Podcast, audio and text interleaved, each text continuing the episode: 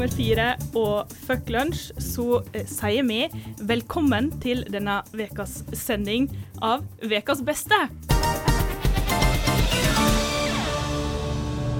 Eh, jeg heter Maria Gunnarsdottir Svedal, og i lag med to eh, ja, la oss kalle dem medoppsummerere, så skal vi prøve da å oppsummere veka som har gått. Det er en litt sånn selektiv oppsummering, men ja, de som hører på, vil sikkert vite hvem andre er det som skal være med og oppsummere. Mitt navn er Guro Vågan. Eh, og Berit Helle Jonsbråten.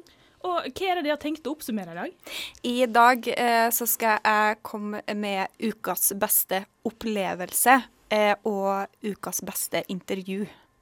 Oi, oi, oi. Og du da, Berit? Nei, eh, jeg skal innom ukas beste dag. Eh, og så skal vi selvfølgelig tilbake til eh, 1921 og se hva som skjedde der den veka. Og jeg tenkte at jeg skulle få lov til å komme med det vi kaller for ukas beste anbefaling. Så det er jo litt press, da, eh, når vi setter ukas beste framfor alt. ja. Men tenker de at eh, vi er klare, og at vi bare skal sette i gang? Absolutt. Ja. ABBA og SOS eh, de tar oss inn i det som skal være ukas beste dag. Og det er en sånn SOS fra deg her, Berit, er ikke det det? Eh, ja. Eh, jeg skal jo ta for meg ukas beste dag, som da er kvinnedagen, som var eh, nå sist uke, 8. mars. Eh, derfor tenkte jeg å åpne med hva forhold har dere til kvinnedagen? Jeg har gått i noen tog eh, i min ungdom når jeg var kjempeengasjert ungdomspolitiker. Eh, men eh, egentlig ikke sånn fra, ikke fra heimen, og egentlig ikke så veldig sånn eh, skammelig nok i, i noe de senere årene heller. Vært så veldig engasjert. Ja, etter jeg flytta til Bergen har jeg vært flink til å liksom møte opp på Torgallmenningen og høre på appellene og sånn. Og jeg syns jo at det er en veldig, veldig viktig dag. Eh, men jeg er nok heller kanskje ikke blant de mest engasjerte som alltid har gått i tog og sånn, da. Ja. Du da, Berit? Nei, men Jeg ligger litt på det samme. Jeg er ikke sånn den mest engasjerte. Jeg møter av og til opp og hører på parolen og sånn. Og så syns jeg det er en sånn fin dag eh, der vi kleint eh, gratulerer hverandre og eh, gratulerer tilbake. Og, Og lurer på om skal vi gratulere menn òg, for det er jo ikke bare positivt for kvinner. Dette er jo bra for menn òg. ja. så sånn sett syns jeg det er en fin dag. Men så er det jo eh, noe som irriterer meg så innmari hvert år. Og det er typ sånn eh, kommersielle selskap som på en måte slenger seg på denne kvinnedag-trenden og lager alltid de mest hinsides upassende og tonedøve reklamene. Altså folk som eh, skal tjene penger, og så bommer de totalt, da. Ja. Eh, og i år så er det spesielt en, en reklame fra DNB som har en sånn eh, kampanje som heter Hun investerer. Eh, som jeg tror handler om at eh, kvinner burde kjøpe mer aksjer. Som er litt sånn merkelig kampsak, men eh, greit, det. Em, og de har da lagd en sånn kampanje der de har eh, et bilde av eh, Sigrid Undset. Der det står Sigrid Undset brukte tre år på å skrive Kristin Lavransdatter. Eh, og så er det etterpå Sigrid et eller annet, en moderne kvinne, som brukte eh, tre minutter på å investere i aksje, og så er hashtag 'hun er historisk'. Ja. Det, at det var en merkelig sammenligning.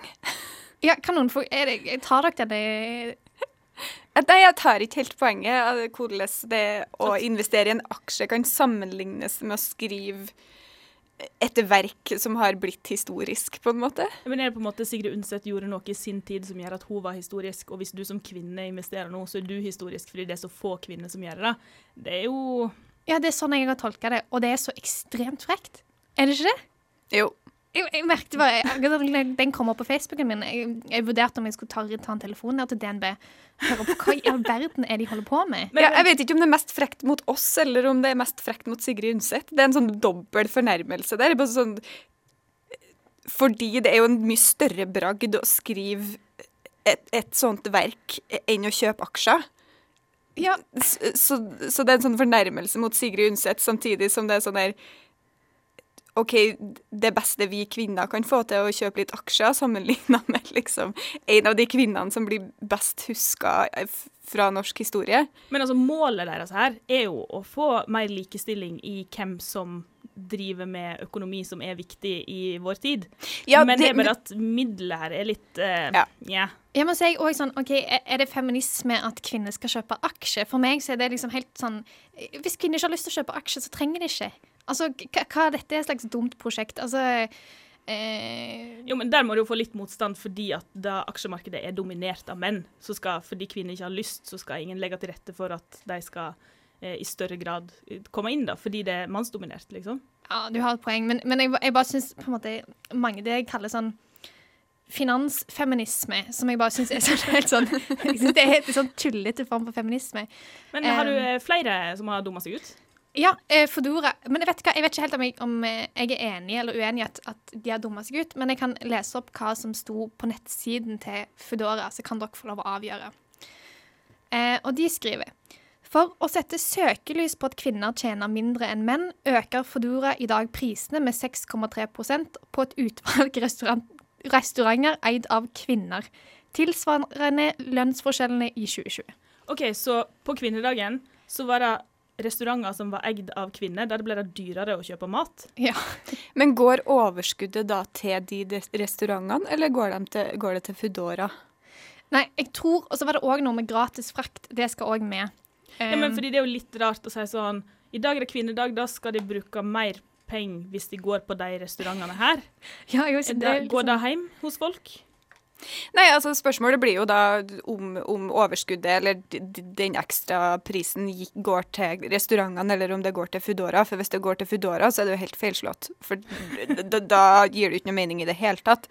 Hvis de gir det til restaurantene, så er det jo på en måte bedre, i hvert fall. Men du oppfordrer jo ikke til å handle hos kvinnelig eide restauranter ved å skru opp prisen.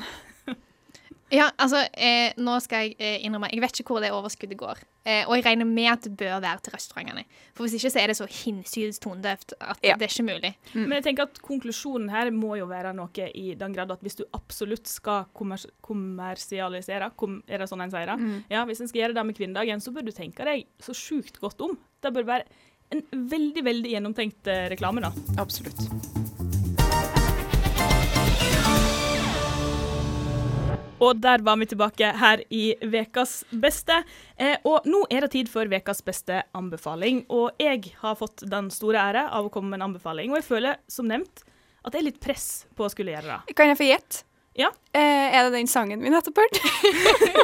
Nei, det er ikke, Dessverre ikke sangen eh, Fox eh, Korska, 'Tummy Cramp'. Eh, den var ny for meg, men ja. altså, ikke noe eh, shade til, til noen som eventuelt eh, har sansen for, for sånt, men det falt ikke særlig smak her i studio, da, kan vi kanskje si. Nei, vi burde kanskje ha lytta gjennom den på forhånd. Ja.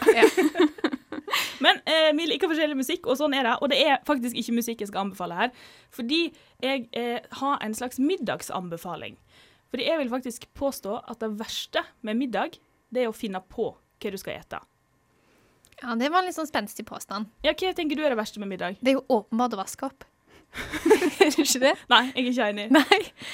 Nei, Jeg er enig med deg, Maria. Det er å finne på eh, hver dag. Hver dag må man finne på hva man skal til middag. Ja, at du har vært liksom på jobb eller på eh, universitetet eller på lesesal, og så er du liksom allerede sulten når du går hjem, og så skal du innom butikken og kjøpe inn, og så er det sånn Hva jeg har i kjøleskapet? Hva burde vi bruke opp av det som er i kjøleskapet? Hva, skal, hva har jeg lyst på? Bare sånn mange spørsmål, og så går du på butikken og kjøper altfor masse greier som du ikke trenger. Så min anbefaling er å lage en middagsplan. Altså at du planlegger fire-fem fire, middager fram i tid. Og den store fordelen her er jo at du da har fire-fem middager å velge mellom, for du har ingrediensene til alle. Og så kan du på en måte føle litt på hvem av de fire-fem er det jeg har lyst på i dag. Det er litt kjipt på siste dagen, da, da har du bare ett valg igjen. Men, men er det noen, noen av dere som har prøvd det? Ja. Eh, det eh, gikk akkurat ei uke. Gjorde det ei, Nei, ei halv, tror jeg. Eh, for vi hadde bestemt oss for, jeg og samboeren min, at vi skulle, vi skulle eh, lage liste. Eh, og, men så siden vi ikke har bil og sånn, så blir det litt mye å handle for ei hel uke. Eh, så derfor så tenkte vi liksom at eh, nei, men vi handler for halve uka, så tar vi midt i uka også en ny runde. Eh, og det, vi handla inn den første gangen eh, for halve uka, og så ble det ikke noe mer av det. Nei. Men du da, Berit, du har ikke prøvd? Eh, jeg har prøvd den der eh, Fattig student eh, Instagram-app-tingen. Eh, og da kom jeg til dag én, og så skulle jeg lage noe sånn brokkoli-pizzabunn-greier som bare gikk totalt skeis. Eh, og så endte det opp med at jeg kasta mesteparten av det. Så jeg tror ikke det er for sånne som meg. Nei, for det her er jo inspirert av eh, den eh, appen som du snakker om, altså Sulten heter vel den, fra Fattig student. Jeg fikk da kokebok i hennes til jul, der det er sånne her eh, menyer, ukesmenyer med fire middager. Og det er jo greit nok, da. For min del så ble det ei uke med ganske store mengder søtpotet. Eh, Fordi her er jo litt av konseptet at en bruker de samme ingrediensene for å unngå å kaste mat. Eh, så det er kanskje litt intenst eh, på søtpotetfronten der eh, ei stund. Men, men sånn i seg sjøl, hvis du bare ikke baserer deg på en app, ikke baserer deg på noen bok, bare hva er det jeg har lyst på? Fire-fem middager som bruker litt av det samme. Jeg tenker det er sjukt genialt for å liksom få brukt opp alt som er i kjøleskapet, og for å slippe å planlegge hver dag hva du skal ete. Jeg er jo- Totalt enig i at det er en superidé på papiret. Det er bare gjennomføringsevnen som svikter totalt for min del. Ja, for det må jeg si at jeg har hatt litt mer suksess enn deg, men det var ikke sånn at vi planlagde middager forrige uke, f.eks. Men, men det var en god periode, men kanskje halvannen måned fikk jeg til, da. Ja, det syns jeg er imponerende. Hvor tid er setter dere ned på mandagen, da? Og så bare sånn, har dere fellesmøte? Nå skal vi finne ut hva vi vil ha til middag. Jeg og samboeren min tar fellesmøte. Nei, men eh, torsdag er dagen. Torsdag er dagen, fordi en bør handle på torsdager og på mandager. For torsdag da handler du inn til helge, så da får du all helgekosen, mens mandag da kan du mer lage denne planen for veka. Altså på torsdag så planlegger du fire middager, så eh, er det restemat en dag, og kanskje en går ut og eter en dag, hvem vet. Så eh, fire middager på torsdager, det er anbefalingen min. Ja. Og jeg vil eh, utfordre deg, Berit, for du har ikke prøvd. Eh, vet du hva, jeg skal ta den utfordringen. Her i Vekas beste så prøver vi hver veke å ta et lite dykk tilbake 100 år i tid. Og Berit, du har fått den store ære. Ja, for vi tenker jo liksom alltid å, dette må være det verste året noen noensinne har levd. Eh, eh, men det er det absolutt ikke, for vi skal tilbake inn til 1921. Og der var det eh, fattigdom og eh, krig og eh, diverse. Så jeg tenkte jeg bare skulle begynne med å lese en eh, liten sånn notis som jeg fant i Innlandsposten fra 9. mars 1921. Og der står det med overskriften Besettelsen fullbyrdet i stillhet og ro om natten. Tyskland skal i tilfelle blokkeres. Dramatisk. Veldig dramatisk. Fra Paris telegraferes i går kveld at tre byer på østre bred av Rhinen, Düsseldorf, Ruhort og Duisburg, ble okkupert om natten etter marshal Foch, Fochs ordre.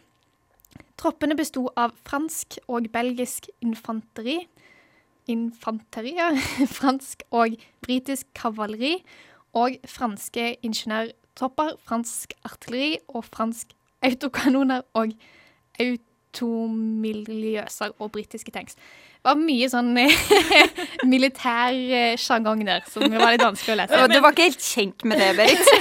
Nei, det, var liksom, det ble bare verre og verre. Hva er egentlig ditt forhold til automitraljøse? Vet du hva, eh, jeg tror det er type våpen. Men, men, men hva er det dette betyr? For oss som på en måte heller ikke er sånn veldig godt bevandra i språket her. Nei, um, fordi uh, historisk kontekst her er jo at em, Som dere sikkert har hørt eh, om på videregående eller ungdomsskolen, eh, Versailles-traktaten er jo noe som ble skapt etter første verdenskrig. Eh, og innenfor den så sto det at Tyskland skulle betale erstatning til eh, de allierte for ødeleggelser under krigen. Em, og det som har skjedd her, er jo at de ikke har klart å betale nok til til de allierte, og derfor har Frankrike eh, invadert eller okkupert og Düsseldorf og Duisburg som et virkemiddel i, i striden om å få eh, krigserstatningene sine. Men det synes jeg, dette er litt kult, fordi at det her er jo sånn som alle har hatt på pensum på ungdomsskolen og eller videregående. Så når du nå ser i avisa, så ser du på en måte omtalen av det der og da. I sanntid. Ja. Mm, det er ganske interessant. Ja, for det, det, akkurat dette her fikk jo veldig store virkninger for Tyskland eh, videre. fordi at em, I 1922 så bestemte de da at uh, Tyskland ikke trengte å betale fordi de var, de var så fattige. De hadde ikke råd. Men så kunne de da få betaling i form av gods, som vil si at de fikk trevirke og kull. Um, men seinere igjen så bestemte de nei, nei, eh, de har mulighet til å betale, de bør betale oss mer. Uh, så de okkuperte da et enda større område som var i, i Tyskland. Eh, og da eh, sa den tyske regjeringen at, at eh, befolkningen i dette området skulle gjøre eh, det de kalte passiv motstand. Som i praksis gjorde at to millioner arbeidere gikk ut i streik fordi de nekta å produsere varer, som igjen gikk til de allierte som krigserstatninger. Og derfor måtte den tyske staten betale disse to millioner arbeiderne, og så de eh, printa opp mer penger, mer inflasjon, som alle har lært om, som var en av de tingene som ledet opp til andre verdenskrig. Den inflasjonen som gjorde at pengene var ikke verdt noe lenger. Um, så det er jo denne lille notisen her eh, er grunnen til andre verdenskrig. Og du og du Nei, det var kanskje en, en Fra par- Innlandsposten. Nei, kanskje, kanskje et par ting til som, eh, som gjaldt. men, men det er jo et poeng, da, at det er i sanntid. Sånn at det her er jo På dette tidspunktet så vet ikke de at det skal bli andre verdenskrig. Nei. Nei, de vet ikke hva som blir konsekvensene av, eh, av det de eh, driver med når de krever inn eh, penger og okkuperer og Ja, det er interessant. Så to millioner arbeidere, Ja. det er helt sykt mye folk. Det er Jeg tror vi var ca. 2,5 millioner folk i Norge i 1921. Mm. Det er helt sinnssykt. Det er nesten hele Norges befolkning i 1921, liksom. Og dette var liksom midt i på en måte industrihovedstaden i Tyskland, der liksom all verdien ble skapt. Og når alle de går ut i streik, ingenting blir lagt, printer penger Det er jo bare katastrofe som kan eh, komme ut av det. Ja, og det var det òg, for så vidt. Ja. Men eh, Berit, tusen takk for at du ville dukke ned i eh, krigshistorien. Nå tenker jeg at vi skal høre en av mine favorittsanger, 'Vi danser ikke for moro skyld', av Daniel Kvale.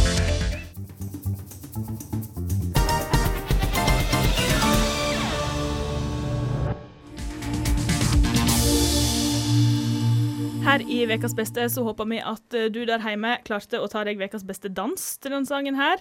Eh, Det var i hvert fall litt gynging i studio. Absolutt. um, Guro, du har fått uh, lov til å ta med deg den beste opplevelsen din fra forrige uke. Ja, og det, det var litt, uh, litt av en utfordring. Ja, for, eh, det er ikke sånn at vi fordeler her sånn at den som har hatt den beste opplevelsen, får lov å fortelle om den. Nei da. Nå er det Guro sin tur å ha god opplevelse. her rullerer vi uh, på, på de faste temaene. og ja Jeg har jo da vært syk forrige uke. Så da skorta det litt på, på opplevelser, dessverre. Først av alt så må vi bare spørre, har du hatt korona? Nei, det har jeg ikke. Det var en eh, helt eh, urelatert uh, sykdom. Ja, men Har, også testa meg, bare så at det er på det rene. Det er flott. Eh, men eh, de måtte jo da på en måte prøve å huske hva som har vært liksom, lyspunktet mitt under denne sykdommen når jeg har ligget på sofaen. Og det er da det jeg gjør hver gang jeg er syk, og det er å se på Criminal Minds. Det er en slags sjukdomstradisjon, da. ja, eh, det, jeg vet ikke helt hva det er for noe, for det er jo en litt merkelig kombo.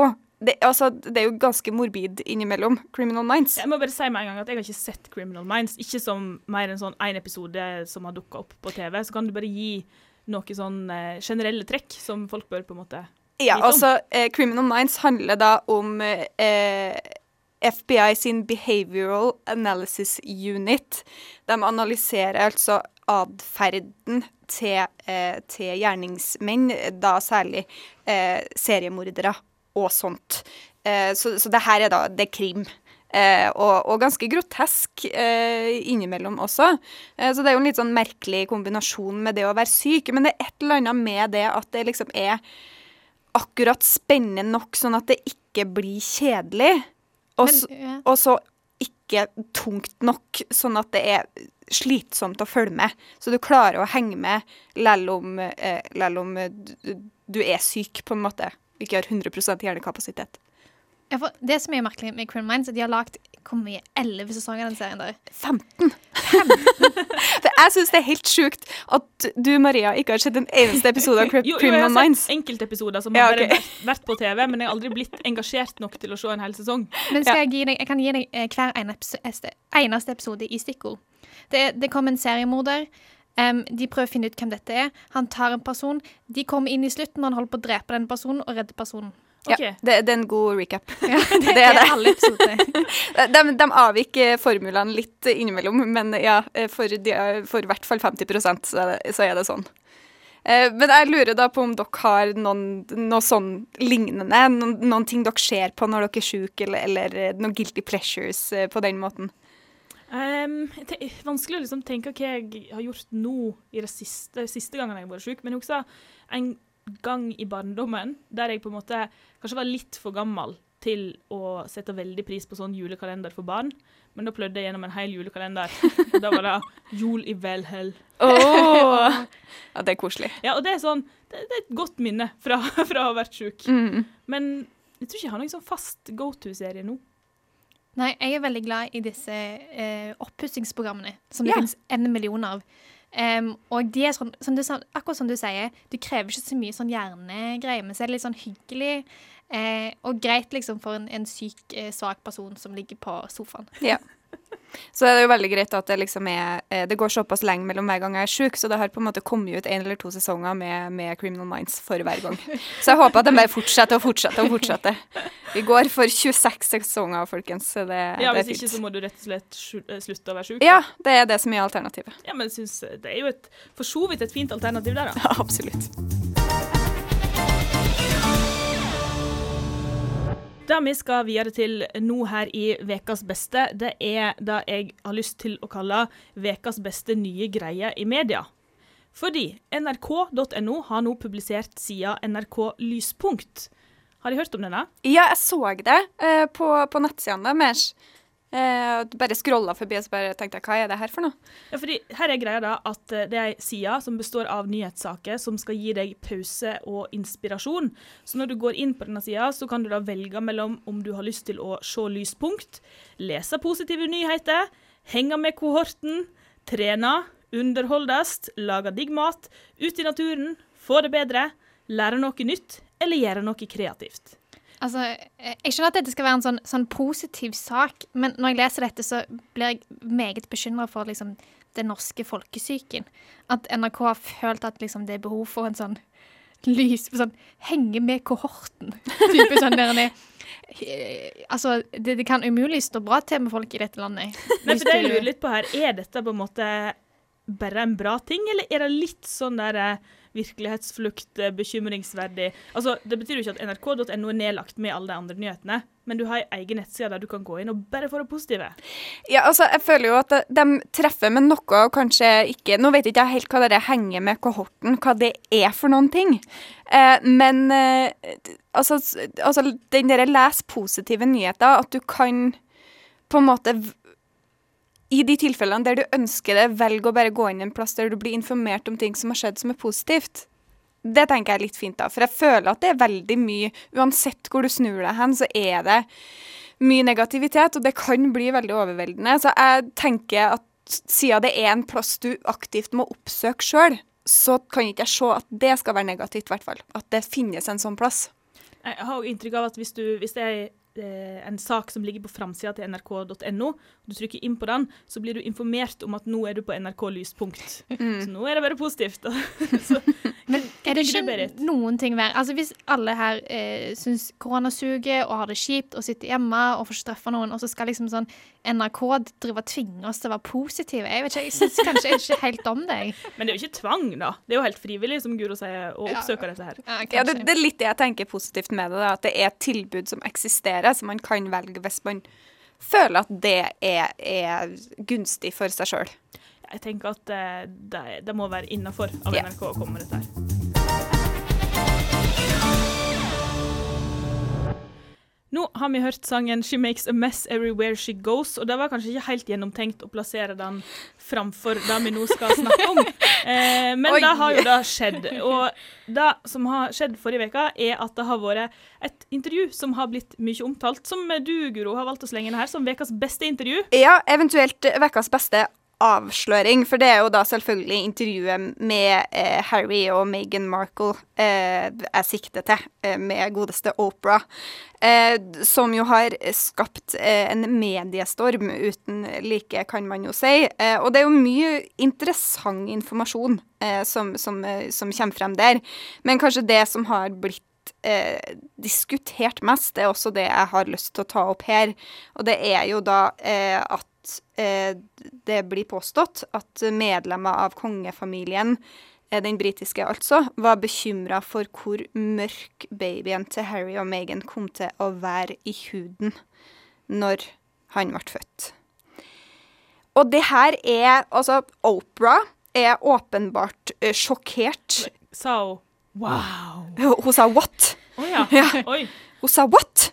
Sånn faktisk, sånn sjokkert. Eh, og det virker også som om, om eh, hun absolutt ikke er alene om det her, å være sjokkert over det.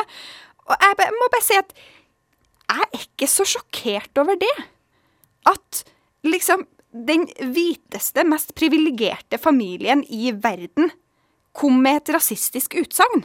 Altså, et påstått rasistisk utsagn. Ja, eller de har altså, jo gått ut og sagt at ingen i denne familien er rasister. Det er det eneste dette intervjuet de har svart på. Ja, absolutt. Og, og, og så syns jeg vi skal skille mellom det å være rasist og det å komme med et rasistisk utsagn. Eh, hvis de har sagt det som eh, Meghan og Harry sier de har sagt, så er det et rasistisk utsagn. Det betyr ikke at du er blodrasist type Ku Klux Klan, liksom. Det er jo ikke det som blir påstått her. Eh, men det, det er liksom Det er et veldig uheldig signal å sende når du er i den posisjonen. ja, det, det er den derre hverdagsrasismen som vi snakka utrolig mye om i sommer. Og som jeg fikk litt sånn inntrykk av at vi alle på en måte ble enige om at, at vi, i hvert fall vi hvite mennesker her i den vestlige verden, alle lider litt av de her fordommene. Og at det er noe vi skal være veldig bevisst, men at det ikke gjør oss til jævlige mennesker, på en måte. Og så syns jeg jo det her er ganske langt over streken. Det å, å, å si noe sånt er jo Altså, det, det, da er det jo noen som ikke har tenkt seg om. Eh, men eh, Ja, jeg, jeg er bare litt um, Litt forundra over, over sjokket. At de er så sjokkert. Altså, det er jo en sjokkerende ting å si, men at folk blir så forbausa over at Eller nekter for at det noen gang kan ha blitt sagt. At de kan ha funnet på å si noe sånt. Ja, for hva er på en måte reaksjonene blant folk her? Nei, altså, det er jo veldig splitta. Eh, noen støtter jo eh, Meghan og Harry veldig. Og så er det noen som, eh, i hvert fall i, i Storbritannia, som jeg har sett, eh, som går veldig hardt ut mot dem og påstår at hele intervjuet er løgn. Alt er løgn. Men jeg følte akkurat dette her var en sånn ekstrem clash mellom amerikansk mediekultur og sånn europeisk mediekultur. Bare sånn hele intervjuet Jeg syns på en måte den der, Megan er jo amerikansk. Hun er så liksom sånn eh, de, de snakker jo i klisjeer hele gjengen og sånne ting. Og jeg tror ikke at det gjør at hun er mindre genuin, og det hun sier er mindre sant. Men for europeere som ikke er vant med den type måten å uttrykke seg på, så fremstår det merkelig. Men jeg sier ikke at altså, selvfølgelig skal vi tro på henne, men det, Ja, men Er det selvsagt at vi skal tro på? For sånn, det kommer et intervju her med Opera, som er sånn, du sier at Opera sier what? Det intervjuet er åpenbart kjempe, kjempe, kjempeplanlagt. Ja, den de påstår, den påstår jo at det ikke er det. Men ja, eh, jeg, jeg skjønner jo hva du sier. Det her er ikke altså det, Selvfølgelig er det her på en måte planlagt, og de har vært igjennom medierådgivere og alt sånt der. Men de sier helt på starten at det her er ikke planlagt, du vet ikke hva jeg skal spørre om. Og når hun sier ja, så virker det genuint for min del, men eh, ja, jeg vet ikke. Det er Som regel så har en sannhet to sider, på en måte, og så, og så finner du sannheten en plass i midten. Og bare sånn helt til slutt, hva tar vi med oss fra dette her? At det har vært synd på, på, på Harry og Meghan, men at det betyr ikke at liksom kongefamilien i, i Storbritannia er, er kjemperasister og verdens verste mennesker av den grunn. Og med Take On Me så er vi klare for å runde av her i eh, Vekas beste. Og når jeg tenker sånn, nå har vi oppsummert forrige veka, så er det på tide å gå og se framover. Og da lurer jeg på, Guro og Berit, kan de fortelle meg én ting den kommende veka som de eh, gleder dere til? Du kan begynne, Berit. Ja, jeg gleder meg til at det blir sol i morgen Ja, Ja. i Bergen. skal du gjøre noe med denne sola? Eh. bare at den er der? Det er bare at den er der. Jeg har på meg solbriller for første gang i år i dag. Det var veldig deilig. Ja. Ja, så det, det støtter det er den tingen å glede seg til. Jeg eh, gleder meg til at eh, jeg har bursdag denne veka. Og det er jo sånn litt sånn OK, du blir 27, så gleder en seg fortsatt til bursdagen sin. Ja, litt. Ja, Ja. det er lov. tenker det må være lov. Selv om det er restriksjoner og styr og vesen, så det blir jo liksom dempa. Det blir ikke en eh, stor bursdagsfeiring, men en må glede seg likevel. Ja, du har tre gode bursdager igjen eh, fortsatt, Maria, før du, før du begynner å grue deg til hilsen hun som nettopp fylte 30. Ja, men det gikk bra, da. Ja da, det var veldig, veldig fint. Men du da, Guro, har du noe du gleder deg til? Ja, eh, jeg gleder meg til, til eh, Zack Snyder sin, eh, sin versjon av Justice League kommer eh, på, Ja. på torsdag. Og for deg som ikke kjenner til dette her, kan du gi oss en superkort forklaring? Ja. Eh, eh, Justice League-filmen eh, skulle i utgangspunktet regisseres av eh, Zack Snyder. Han eh, mista dattera si under innspillinga eh, og måtte derfor trekke seg fra prosjektet. Joss Whedon kom da inn eh, i stedet. Eh, og filmen kom ut, og den ble slakta. Så det er utrolig, utrolig mange som gleder seg til den, den, den versjonen som var originalt tenkt. Og kommer den da på kino, eller? Den kommer på HBO Nordic eh, 18. torsdag. Spennende. Ja. Eh, men før vi gir oss helt, så er vi òg nødt til å ha med oss et lite motivasjonssitat som Ingrid, som òg er med i Ukas beste, har vært så grei å sende til oss. Og hun skriver da You've got to get up every morning with determination if you're going to go to bed with satisfaction. Helt nydelig. Ja, er det det? Ja, det Skal, er det det vi tar med oss? Ja, det er noe å gå fint inn i, inn i uka med. Det, det høres litt slitsomt ut å, å stå opp med determination hver dag. Det er definitivt ikke noe jeg driver med, men uh, Ok, ja. men, men utfordringen, da. Berit, du må ha middagsplan. Ja. Og Guro, du må stå opp med determination. hvordan gjør man det? Nei, jeg, Noen som har noen tips? jeg vet ikke. jeg. Noen folk spretter jo bare opp. Så Ja, det er jo en ikke en av dem. Ikke en av dem. Prøv. Ja, jeg Prøv skal prøve. neste uke. Ja, det er greit. Og Berit, hva skal stå på middagsplanen? Eh, ikke pølse i brød. Ikke pølse i brød. Så mye kan jeg love. Ja, fordi det har du spist masse av i det siste. Ja. Men nå begynner eh, beste stygt å nærme seg slutten her. Så da ønsker vi å takke alle som har hørt på, og så håper vi veldig veldig gjerne at vi kommer tilbake neste mandag. Samme tid, samme kanal. Takk for oss. Ha det bra! Ha det bra.